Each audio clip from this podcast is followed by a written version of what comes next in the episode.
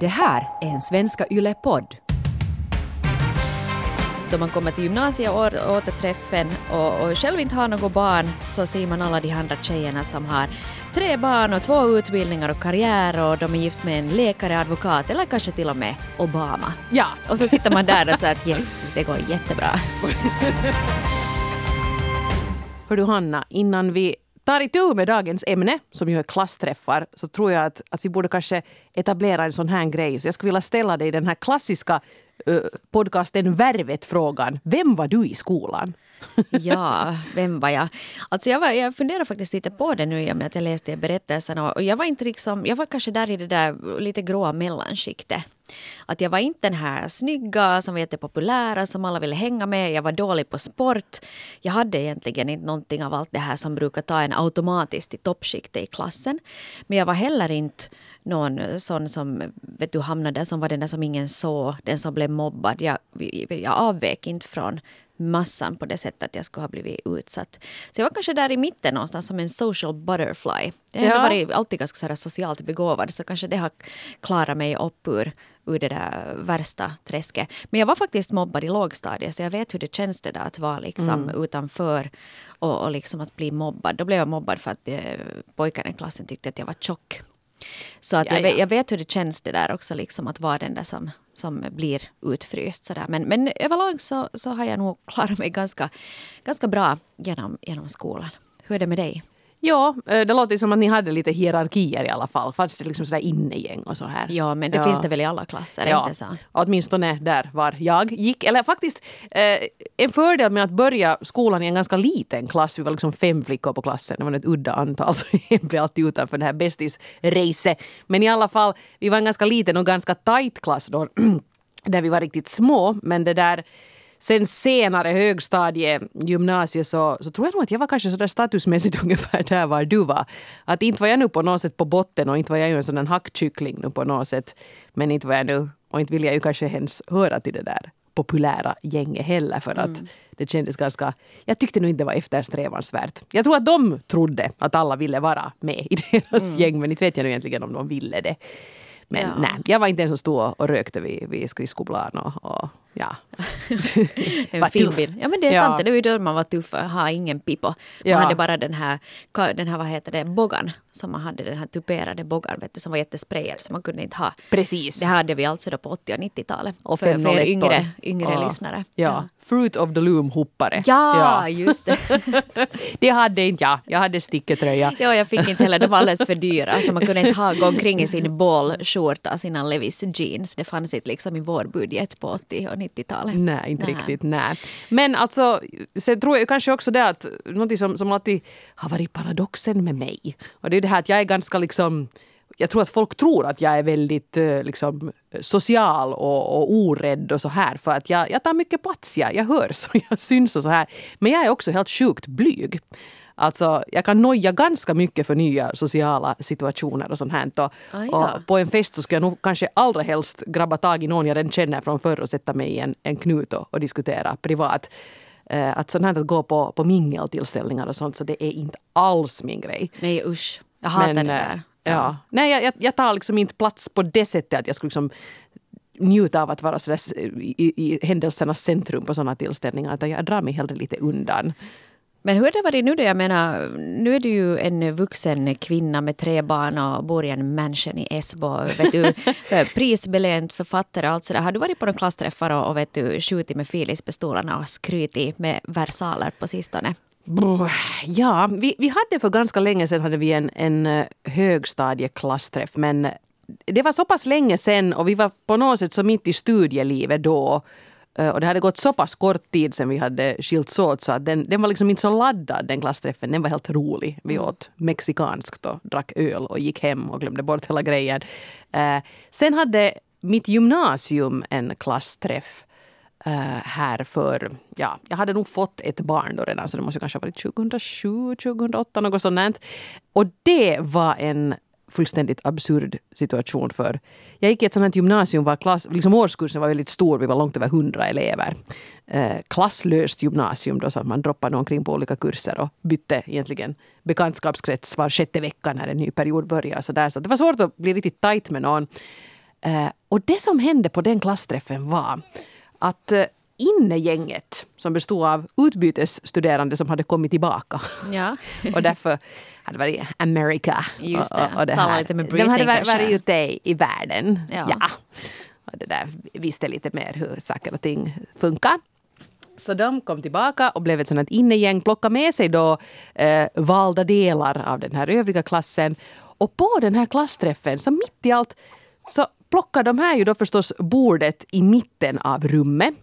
Och satt sig ner och skrek och var såhär Nej Micke kom hit innan någon annan kommer hit! Ah, vi har sparat plats åt dig! Ah! Liksom sånt här. Ja. Medan vi andra då nu placerar nu oss nu på något sätt där nu var man nu fick en sittplats. Och sen gick hela tillställningen ut på att vi andra skulle sitta. Det var sådär som Henrik den åttondes hov. Liksom. Det var huvudbordet och de där som satt och nojsade. Och alla i det här gänget har ju inte alls liksom farit ut i den akademiska världen och studerat. Så det var lite underligt när folk började hatsch, hatsch, en liten fågel. Och de där som inte alls har varit med om det här sitsa, det var så att what the f- vad, vad håller ni på med? Det har ju ingenting med vårt gymnasieliv att göra. Så att det var en ganska liksom märklig upplevelse. Eh, och jag gick hem ganska tidigt kan jag säga. Jag, jag hann växla några ord med några trevliga människor från förr men, men jag skulle nog inte behöva gå på en sån fest på nytt måste jag säga. Nej. Så att så gick det för mig. Ha, har du några klassträffserfarenheter du vill dela med dig av här i relationspodden idag? Nu hör du, jag, jag har varit på en klassträff typ. Och vi hade här eh, för, eh, när det var i fjol somras så hade vi en 20-årsträff från eh, det att vi var ABI 97. Så då, var, då försökte vi faktiskt liksom få ihop då så många som möjligt. Och det är inte alltid kanske lätt att få tag i alla men vi försökte alla li- att spre, spread the word och boka en, en dag på sommaren så där de flesta är tillbaka i, i Vasa och sådär. Och, alltså, det är svårt att säga hur många som kom, kanske mm, hälften Knapp, Okej. Knappt hälften av en årskurs. Det är också en stor årskurs vet du, med tre, fyra parallellklasser. Så det var ganska mycket folk. Men, men dit kom det nog en hel del och, och jag tyckte att det var helt kul eh, att, att gå dit och sådär. Men eh, samtidigt så, så märkte jag också vissa saker att, som jag blev påmind om gymnasietiden. I, till exempel det här att, att vi var ju där och de flesta så känner man igen sådär. Någon så kände jag faktiskt inte igen. Så jag fick lite sådär, lite rannsaka mig själv innan jag kom på det. Men eh, så funderade jag, jag stod där och tänkte att vem är den där blondinen? Vet du, om det skulle ha varit på en amerikansk film så skulle allting ha blivit lite slow motion då hon kommer Oh. in. Det stora blonda lockar, det är höga klackar, det är ögonfransar, det är liksom all that. En man ensam strålkastare som på något Jo, sätt jo, jo. Alla liksom henne. stannar upp och tappar sina Uh. tårttallrikar och vet du, jag sa att vem är det där? Och jag kom inte på vem det var. För det här var ett klassiskt fall av vet du, den fula ankungen som hade växt upp och blivit en, en fantastiskt vacker svan. Ser du, ser du? För nu kommer jag ihåg, liksom, faktiskt i gymnasiet då, vet du, i mitten av, av 90-talet så var den här eh, flickan som hon var då, var en, just en sån här grå mus som ingen såg. Tjocka glasögon och vet du, lite grått hår och väldigt försiktig och lite töntig och nördig och klumpig och vet du, allt det här som får en att, att kanske hamna just i det här bottenskiktet. Och nu hade hon då flyttat till Sverige och hon hade barn och karriär och allt och allt. Hon var liksom all that. Och jag talade med henne där och, och, och så sa hon, inte bara för att lyfta min egen svans, men hon sa att, ja, att hon hade funderat nog att ska hon ens komma? Att hon hade en så besvärlig tid i gymnasiet, att hon tyckte att det var hemskt. Och hon sa liksom, och så sa hon till mig att, att du var ju typ den enda som ens talade med mig på hela gymnasiet.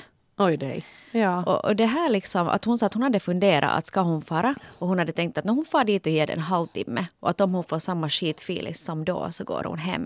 Men hon tyckte väl nu sen ändå att det var, det var helt okej. Och hon fick ju sin revansch. No, absolut. liksom var att, Är det yes. inte det där som alla drömmer om? Ja, att så där ja, skulle ja. man ju vilja att klassträffen är att alla bara Ja. I- inte Istället för att man kommer dit och alla säger att va? Liksom alla, man har gått upp eh, Ja. 30 kilo vet du, ser ut som man skulle bli överkörd av en buss och har gjort konkurs och och kör. Så såg jag ut på...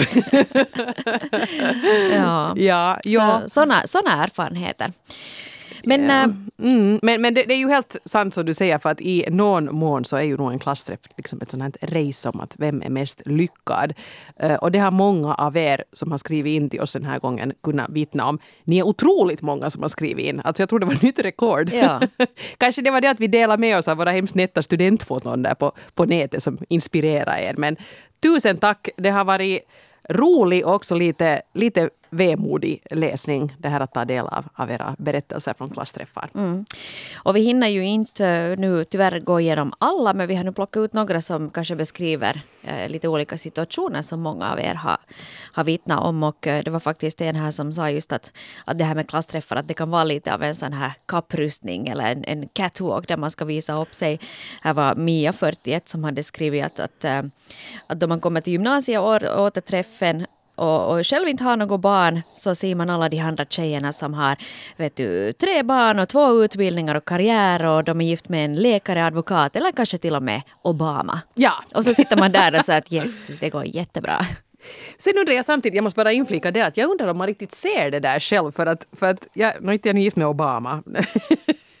Men på någon sån allmän social skala så skulle jag väl borde definieras som ganska lyckad. Jag har mm. liksom man och barn och hus och har skrivit några böcker och jobbar på, på YLE och syns ibland på TV och sånt. Men inte känns det ju så där att, att nu ska jag komma in så att alla ska få tillbedja mig. Utan nej, jag känner mig ungefär lika grådaskig och, och blyg som jag gjorde då för 20 år sedan. Mm, men det där är ju ett klassiskt fakt, vet du, exempel på just det här att hur det ser ut är inte alltid så som det är och så som man känner sig på riktigt. Och så kanske jag inte skulle vara så bekväm med den situationen heller att ja, som, som jag skrev i min senaste bok. Som faktiskt vann som äh, finns, äh, Runeberg juniorpris. Ja, precis. Äh, så som jag alltid brukar säga till min goda vän Kjell Westö.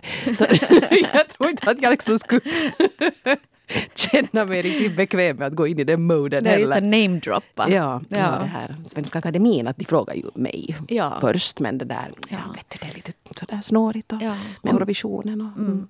Ja, om, om du vill fråga mig vad som helst så jag, jag vet ju allt. Ja. Ja. Nej, men alltså det har faktiskt inte varit eh, bara eh, rosor utan det har faktiskt varit, no, varit nog mer ris då det kommer till klassträffarna. Och väldigt många av er har också skrivit in om hur eh, skoltiden var väldigt jobbig och den också då var orsaken till att man kanske aldrig begav sig iväg till någon klassträff eller ens blev bjuden som eh, Sentinell 34 skriver om. Under lågstadiet var jag väldigt mobbad och hade egentligen inte några vänner alls. Så här i vuxen ålder har jag kunnat bearbeta det hela och låter nu inte det definiera vem jag är. Det skulle vara intressant att se alla igen och se hur de är idag. Under alla år som har gått så är det bara en som har kommit och sagt att vi är ledsna för att allt det där de gjorde. Däremot skulle jag vilja se de andra bara för att visa att jag fortfarande lever. För något år sedan fick jag på omvägar veta att det var i klassträff. Tydligen hade alla varit där förutom jag som inte blev bjuden. Vissa ränder går visst aldrig ur. Och jag blir så arg när jag läser det här. Jag blir så mm. arg och jag blir så besviken på alla de här människorna som du har varit klasskompisar till den här personen. För att jag menar, det är en sak då du går i skolan, då är du ännu ett barn och du kanske inte förstår allting. Redan i gymnasiet eller i den åldern så borde du ju nog veta bättre och du vet oftast bättre. Men sen då du är, ska vi säga 34 som den här personen, då vet du ju nog hur man behandlar folk och att man alla förtjänar respekt. Att lämna någon utanför en sån här grej är fullständigt oförsvarbart. Det tycker jag också. Absolut. Fint att den här personen i fråga nu hade gått vidare med sitt liv och den här klassen. Så ja, som sagt skulle säkert ha varit helt intressant att gå dit och titta hur de andra nu hade artat sig. Mm. Men, eh, men och det här att, att liksom inte bli bjuden. Eh, det kan ju hända att är det en stor klass och man kanske har bytt efternamn eh, när man har gift sig eller någonting och man har flyttat utomlands och man finns inte på sociala medier. Då är det jättesvårt att hitta en. Så om man nu vet med sig att man, man har varit svår att spåra så kanske man inte ska bli så hemskt sårad heller. Mm. Vi hade några sådana fall med den här gymnasieklassträffen som jag just talade om. Att de som arrangeras och faktiskt försökte fråga att har någon kontakt att vi hittar inte den här tjejen någonstans. Så. Ja. Och därför blev ju en del kanske inte bjudna men, men det var inget ogint med det. Nej. Men klart man ska sträva efter att bjuda alla, inte den klassträff annars, hallå? Nej men precis och sen just det här liksom att, att som vuxen så finns det nog inte några ursäkter heller att att, liksom att, eller att man skulle vet, gå tillbaka i de här rollerna. Och det är ganska många som nog har skrivit om just det här med hur, hur rollerna på något vis eller de kommer tillbaks eller man kanske lite faller in i dem på något sätt också då, då det vankas klassträff. Ja, det, mm. det är bisarrt. En gladare historia har vi också. Det var inte lika många, det var majoriteten som skrev att det där med klassfester inte kanske är helt guld. Men uh, signaturen HH, 49 år, tycker att klassfester är nice. Vi har klassträff vart femte år, vi som gick ut nian i mitten på 80-talet och då är det fest. Alla kan ju inte alltid delta, en del kommer aldrig, men vi är ändå rätt många och vi har så roligt. Äter och dricker och leker och pratar och dansar och skrattar och efter varje gång så är man lika fascinerad över vad det har blivit folk av den, den och den och att hen är nog så trevlig.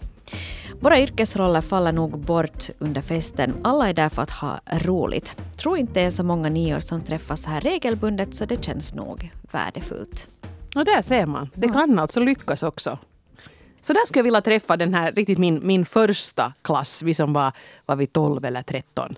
Mm. Eh, liksom det lilla gänget där. För att vi gick så länge i samma skola och jag har jag har nog kontakt med en del av dem, åtminstone sådär man är vän på Facebook. Men det skulle faktiskt vara på riktigt kul att, inte för att vi var nu så himla nära. Speciellt kände jag ju inte pojkarna, för inte umgicks man ju med pojkar när man var åtta. Ugh. Man får pojkbaciller. Usch. Men det skulle ändå vara helt roligt att se att att voi vitsi att du som var så himla bra på matematik, att blev det liksom sen ditt jobb också? Att kunde man, jag menar, helt enkelt se var, var de har hamnat. Inte så därför att liksom vi ska skryta upp oss inför varandra utan man är bara nyfiken. Det är ändå människor som, var, som jag umgicks med dagligen under många, många år. Mm.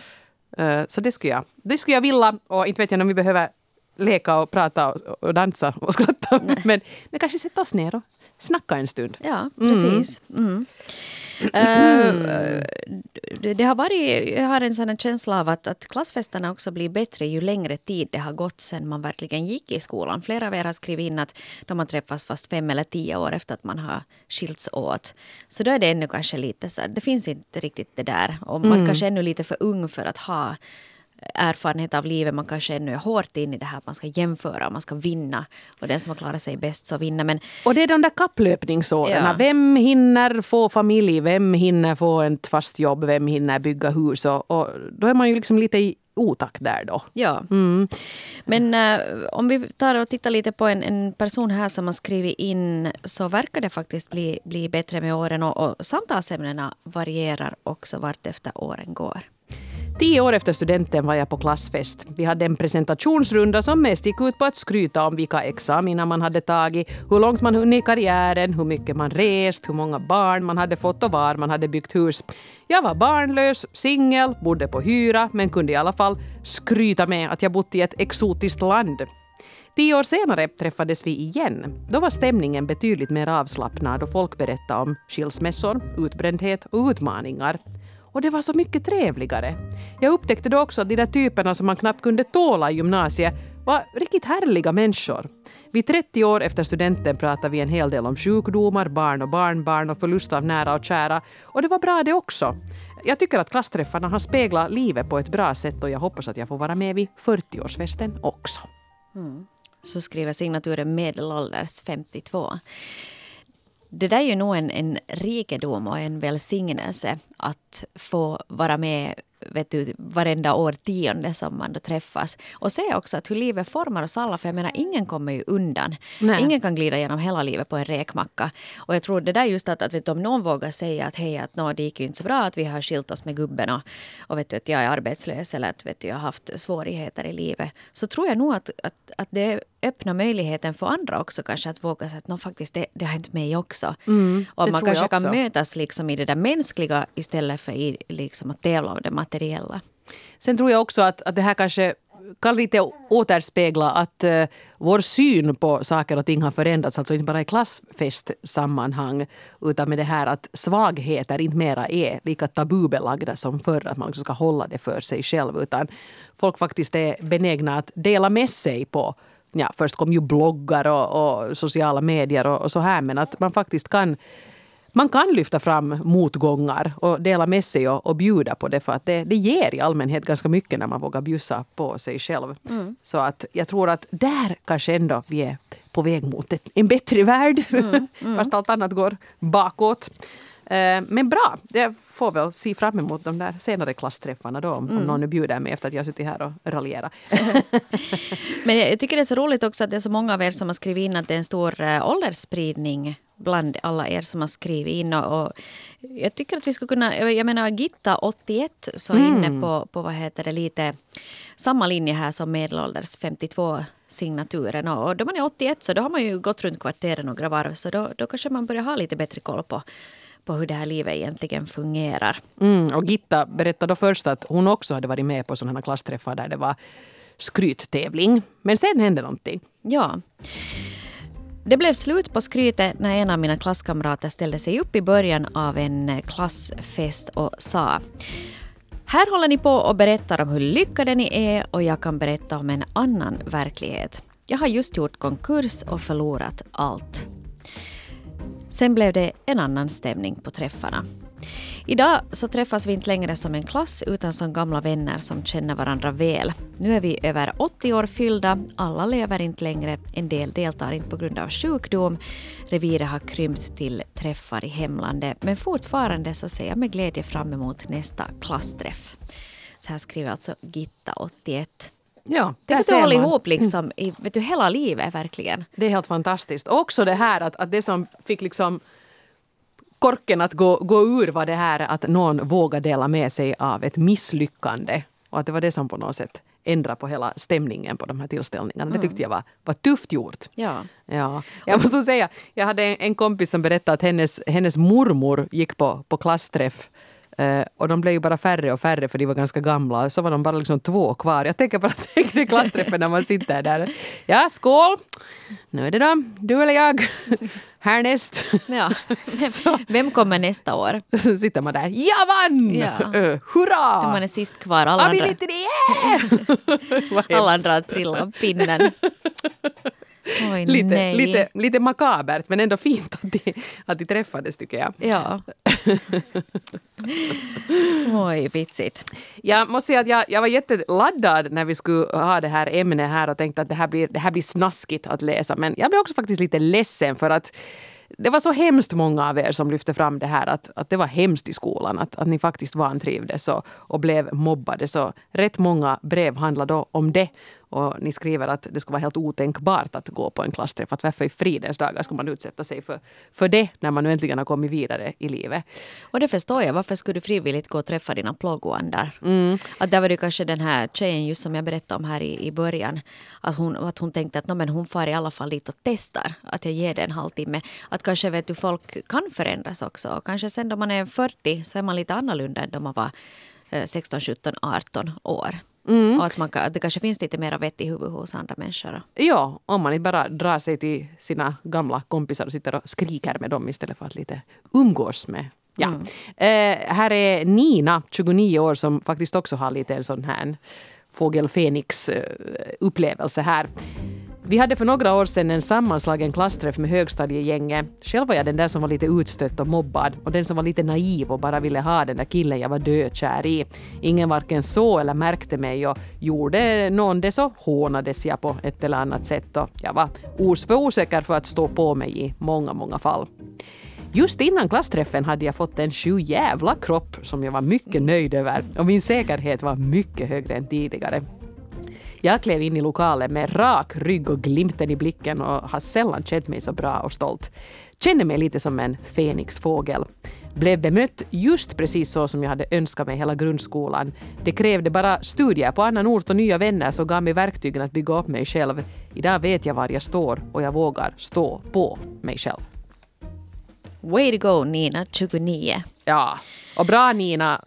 Jag blev lite så här började tänka att no, jo, att, att eh, det är ju lite liksom melankoliskt om det ska räcka med att man har blivit snygg för att man ska bli Ja. accepterad. Men som Nina också själv konstaterade, det var ju kanske inte bara den där vavavoom-kroppen utan det var hela paketet med att, att Nina då har ha hittat kompisar och, och hitta sig själv och, och hitta en, en självsäkerhet som gjorde att blickarna vändes i hennes riktning när hon klev in på den här festen. Uh, jag får gåshud. Ja, och man får en liten sån här revenge där, en liten hämnd som det heter på svenska. Ja.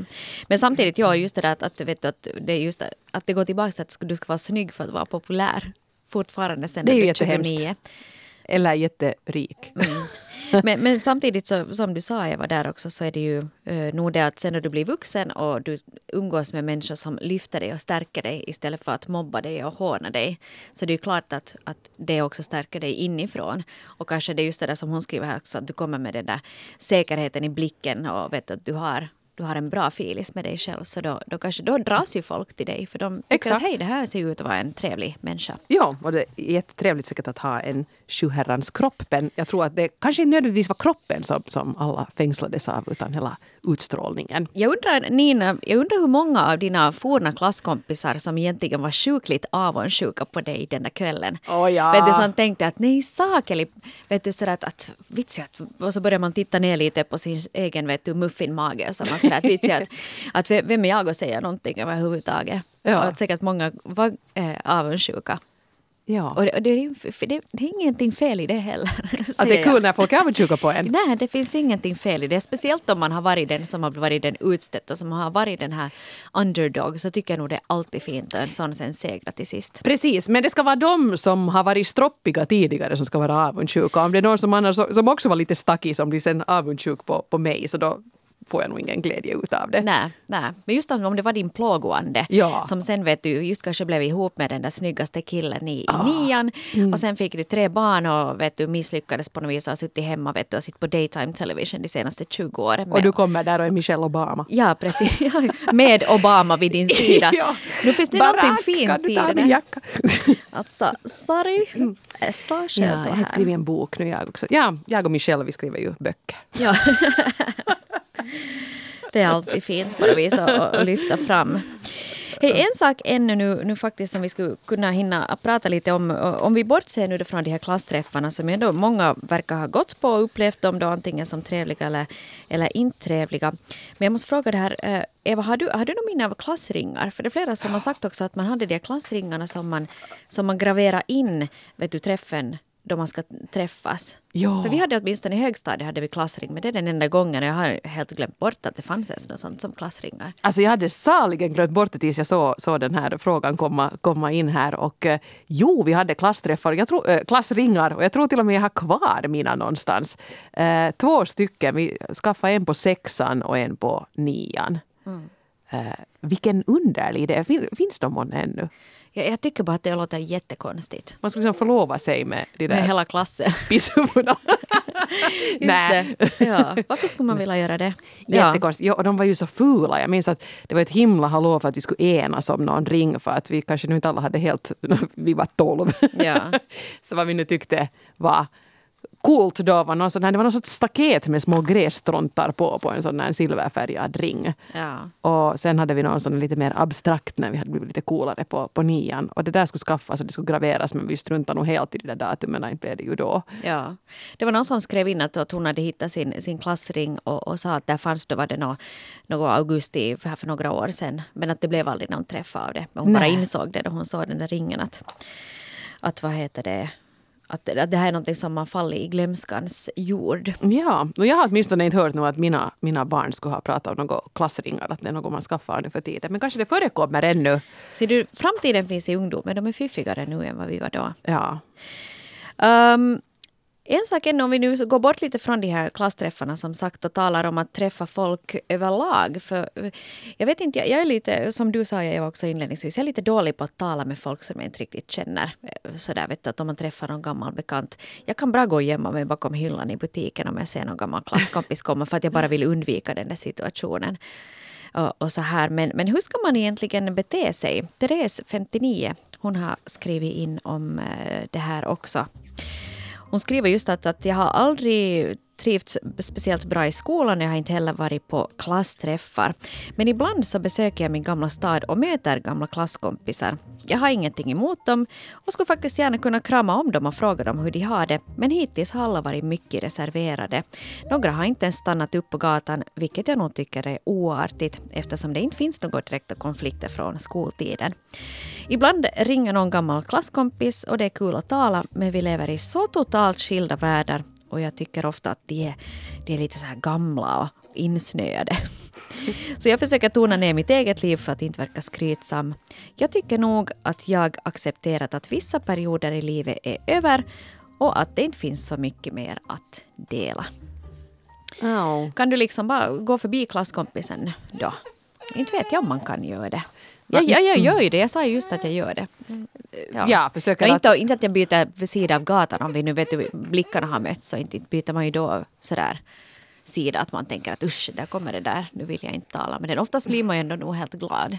No, det, ja, man blir, men, men jag är också, inte vet jag vad det är nu som, som blir så nojigt med det där, men att man kan ju ha en sån där jätte fejkad liten dialog. Hej, hur är det med dig? Ja. vits, ja, oj, oj. Och, och sen, sen är jag ibland lite rädd att liksom trampa i klaveret. Att man är så här att ja, ni är ännu gifta. Och säger att nej, jag blev ju enkling i fjol. Liksom att man, Ja. man på något sätt ska säga någonting tokigt. Och, och här kommer jag med mina, mina tre barn, buller och bång. Och ja, vi, vi det här har ju vår femte IVF-behandling på gång. Liksom Ja. jag, jag är alltid lite rädd att, att, att det ska bli en sån här dålig stämning. Vilket det- ju är dumt. Men det kan du ju inte veta. Nej, och det inte kan ju någon förvänta sig att du ska veta vad hela högstadieklassen har för IVF-behandlingar på gång. Men kanske de tycker att de har berättat väldigt öppet om det och, och jag Ja. nu bara har glömt det för att jag eh, försöker ha koll på så många människor samtidigt. Ja. Äh. Jag tror att vissa människor så kan man nog bara skita i. Jag, jag har faktiskt en liten historia jag skulle kunna berätta ännu. Du kommer ihåg i början när jag satt i lågstadiet så blev jag mobbad för att jag var ett fläskberg då enligt Jaha. två tvillingar på min klass. Mm. Jag var också. Ah, Ja, det ser du. Ska, ska vi Mikro, mikropizzorna så och... och så det började finna. Det fanns ju bara två sorters chips när vi var små. Det var liksom grill, grillchips och saltade. och vanliga. Men sen öppnades ju det upp och Ja. Och sen blev det som det blev. sen kom sour creamen och, och sen blev det som det blev. Ja, Ja. Mm, I can relate. Ja, Fortsätt. ja. Men i alla fall så träffade jag var på, på, på en eh, känd bar i, i Vasa, min gamla hemstad. Och så träffade jag faktiskt då en av mina gamla plågoandar där. Aha. Och då var det i det här skedet, jag liksom hade just typ gått ut gymnasiet, var lite snygg och vet du, vältränad sådär som man är då man är 23. Man är sådär allmänt lyckad. Eller kanske var 25. Och jag kände mig helt bra. Och så såg jag just honom. Och det var så att vem är det nu som är fläskbergare? Hade jag lust att säga åt honom. Men eftersom jag är uppfostrad så sa jag ju inte. Men det kändes som att jag fick min revansch där och då. För han kände inte igen mig. Han försökte stöta på mig. Och jag fick en sån här feeling att jag skulle vilja göra en sån här vet du, bitchfinger i, i luften. Där man är så här, ah, ah, ah, asshole. Ja. Och det gjorde jag kanske också. Ja. Ja. Men det var en liten en revansch där Är, också. är, du, så är du långsint? Ja, nu om folk har varit riktigt elaka Ja. så är jag väldigt långsint. Jag också. Eh, Jag kan nog förlåta det mesta. Men sen att om någon riktigt har sådär screwed me over så då är det nog, då är det nog dåligt för Ja. den personen. Ja, jag, jag har faktiskt en del människor som har varit sådär, inte, jag vill som sagt jag har inte blivit vet du, mobbad sådär, någon körde ner mitt huvud i en vässabytta, liksom, det var inte på den nivån, men sådana ständiga små gliringar och, och det var tjejer i, i mitt fall, det var inte, inte pojkar på det sättet, men, men det här ständiga liksom, lilla små jävlandes med en. Och jag liksom en del sådana så, så dyker ju upp nu som då och säger, "Nej, men hej, oj vet du man visste nog redan i skolan att det skulle bli si som så av dig. Jag är sådär liksom att ja, ja, ja. Tjena, det- jag går bara. Alltså jag Ja. tycker det är faktiskt jätteskönt. Man säger just, just, ja, ja, ja. Men, hör du, så- sköt om dig, hej. Ja, jag har två, två ord för dig. Adios motherfucker. Ja, för på riktigt, nu låter det som jag ska vara fruktansvärt förbittrad och gå och tänka på det här varje dag. Det gör jag inte. Men jag tror att är man så där konstant jävlig när man är 15, då är man en jävlig person. Och då kommer aldrig att, att ändras, är jag rädd. Nej. Nej. Och sådana behöver man inte Nej. stå och flamsa med på gatan. Och då får man gå förbi. Man kan byta sida av gatan. Man kan bara titta den i ögonen och så går man till andra sidan gatan. Åh, det här var skönt. Så kan man ta ett interna internationellt fingertecken på det ifall det känns på det viset. Ja, Ja. det är helt okej. Lite bitter får man vara. Ja. Tack kära vänner. Underbart att ni har skrivit av er ännu en gång. Fortsätt att skriva in till oss på relationspodden yle.fi. Vi blir alltid glada när ni hör av er. Tipsa gärna också om eh, ämnen som ni vill att vi tar upp här i podden. Ja, jättegärna. Ja. Och kom hej ihåg att de lite flera berättelser än de vi hann läsa upp här idag så hittar du på svenska.yle.fi i en artikel. Så in och kolla och fortsätt gärna att diskutera. Relationspodden at yle.fi. Där når du oss. Du är alltid fullständigt anonym då du mejlar oss. Vi hörs igen om en vecka. Ha det riktigt härligt. Hej då!